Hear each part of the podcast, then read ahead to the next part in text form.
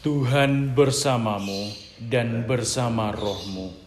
Inilah Injil Yesus Kristus menurut Matius. Dimuliakanlah Tuhan.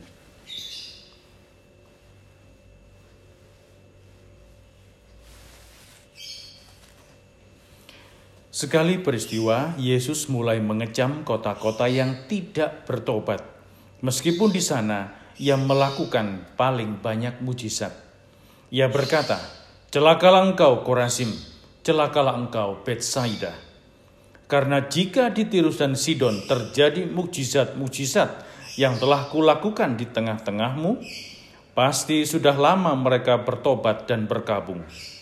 Tetapi aku berkata kepadamu, pada hari penghakiman, tanggungan Tirus dan Sidon akan lebih ringan daripada tanggunganmu. Dan engkau, Kapernaum, apakah engkau akan dinaikkan sampai ke langit? Tidak. Engkau akan diturunkan sampai ke dunia orang mati. Karena jika di Sodom terjadi mukjizat-mukjizat yang telah terjadi di tengah-tengahmu, kota itu tentu masih berdiri sampai hari ini maka aku berkata kepadamu, pada hari penghakiman, tanggungan negeri Sodom akan lebih ringan daripada tanggunganmu.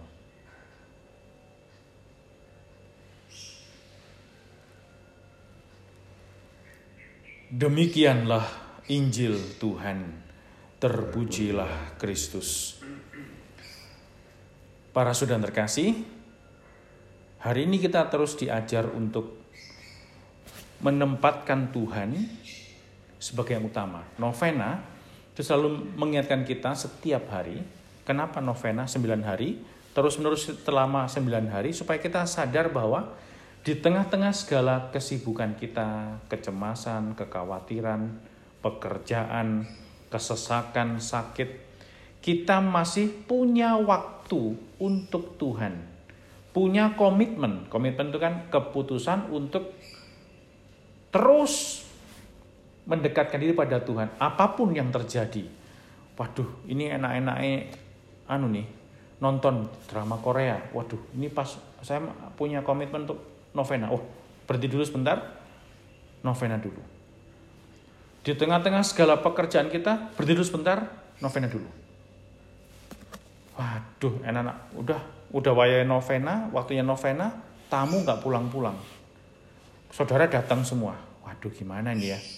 Cari waktu. Sebentar. Mencari waktu untuk Tuhan di tengah-tengah segala kesibukan kita, segala persoalan hidup kita, segala kekhawatiran, kesesakan hidup kita, itulah yang namanya bertobat. Jadi bertobat itu bukan soal anu Romo, doakan supaya anak saya tobat yo. Duh, nakal setengah mati ini. Bukan itu.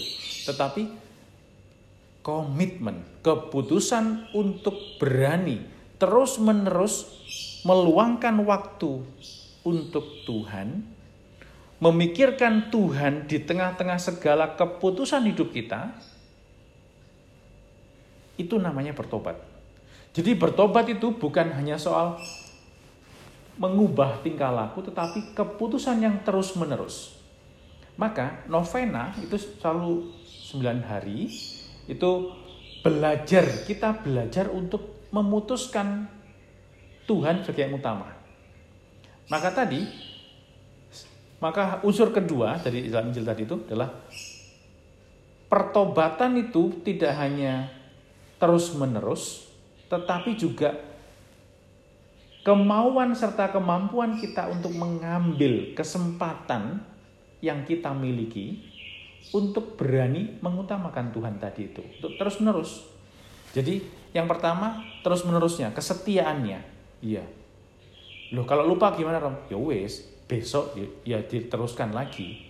Tetapi kemauan, kesadaran, nah itu perlu dipupuk juga kemauannya. Udah wis, anu udah hari itu 8 lupa lagi. Wah wes udahlah gak usah novena. Nah ini berarti enggak tidak tidak tobat gitu tidak bertobat gitu. bertobat itu mati. Sadar akan kemungkinan gagal kita kelemahan kita tetapi kita tidak nyerah dengan itu. Lalu kembali meniatkan kembali diharapkan bukan berhenti pada novena sembilan hari tetapi setelah novena orang meneruskan. Nah, ini penting. Jadi yang unsur ketiga adalah tidak berhenti pada novena sembilan hari itu tetapi meneruskan kebiasaan memutuskan Tuhan yang utama itu dalam hidup kita. Nah, kayak itu mari para saudara terkasih, setiap hari kita belajar terutama dalam novena ini, Tuhan di mana ya ruang untuk Tuhan setiap hari? Di mana kamar kesempatan yang lebih luas bagi Tuhan dalam hidupku setiap hari.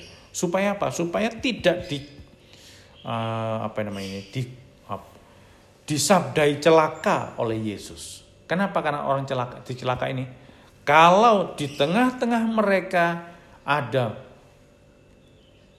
kejadian yang membuat mereka sadar bahwa Tuhan itu hadir, maka mereka tidak akan celaka. Nah, masa pandemi di tengah di sekitar kita banyak yang meninggal, banyak yang terkena Covid, terus banyak kejadian dalam media sosial itu banyak kejadian yang sebenarnya bisa membuat kita sadar bahwa Tuhan hadir loh, Tuhan ada loh di tengah-tengah segala persoalan pandemi ini, lalu berbagai hal yang membuat kita takut.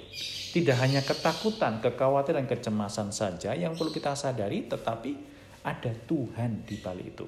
Itu loh pertobatan itu kemauan, kemampuan kita menempatkan Tuhan di tengah-tengah segala hal yang menakutkan, menggelisahkan, mengecewakan dalam hidup kita.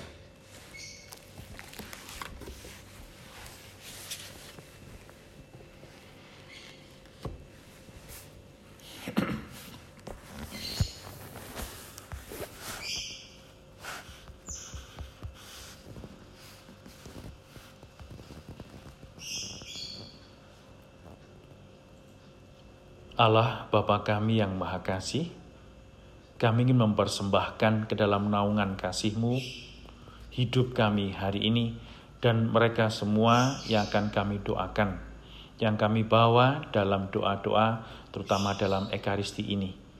Kami ingin mempersembahkan saudara-saudari kami yang berulang tahun kelahiran hari ini, terutama Monsinyur Hendrikus Pidiarto, Uskup dan Bapak Gembala kami dalam keuskupan ini, juga Silvani Lavinda yang berulang tahun ke-34 pada hari ini pula.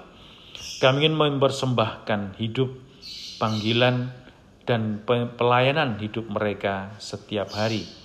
Jagalah mereka dalam kesehatan, kuatkanlah mereka dalam pengharapan, dan jikalau hidup mereka terasa berat dalam pelayanan dan pengabdian, kuatkanlah mereka dengan rahmat roh kudusmu, agar dalam dalam keadaan apa pun kami tetap mengalami Engkau yang hadir melalui hidup mereka, anggota keluarga mereka, dan setiap orang yang mengenal mereka pun mengalami betapa Engkau mengasihi kami melalui tindakan dan perkataan hidup mereka. Kami juga mempersembahkan ke dalam naungan kasih-Mu Amelia Widodo yang akan menjalani ujian skripsi hari ini. Semoga engkau memberikan rahmat kedamaian, ketenangan, agar tugas studinya dapat dia selesaikan dengan baik, dan akhirnya dia dapat melanjutkan hidup serta studinya sesuai dengan kehendakmu dan menggembirakan keluarganya.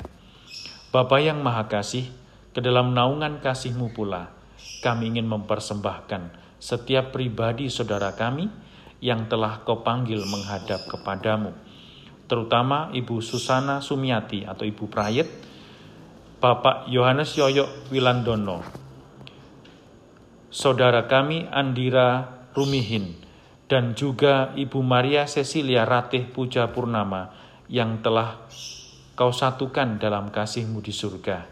Berkenanlah mengampuni segala dosa-dosa mereka. Kami percaya Engkau telah menganugerahi mereka rahmat-rahmat yang demikian luar biasa selama mereka hidup di dunia bersama dengan kami. Kini berkenanlah menjadikan mereka sebagai pendoa dan pembagi rahmat yang ulung bagi keluarga dan kami semua. Bapa, ke dalam naungan kasih-Mu, kami persembahkan setiap pribadi yang hingga saat ini sedang berbeban berat, sedang sakit terutama karena COVID ini. Semoga pengharapan dan kekuatan iman senantiasa kau anugerahkan kepada mereka. Kuatkanlah kami semua dalam segala kesesakan hidup kami ya Bapa hari ini demi Kristus Tuhan dan pengantara kami.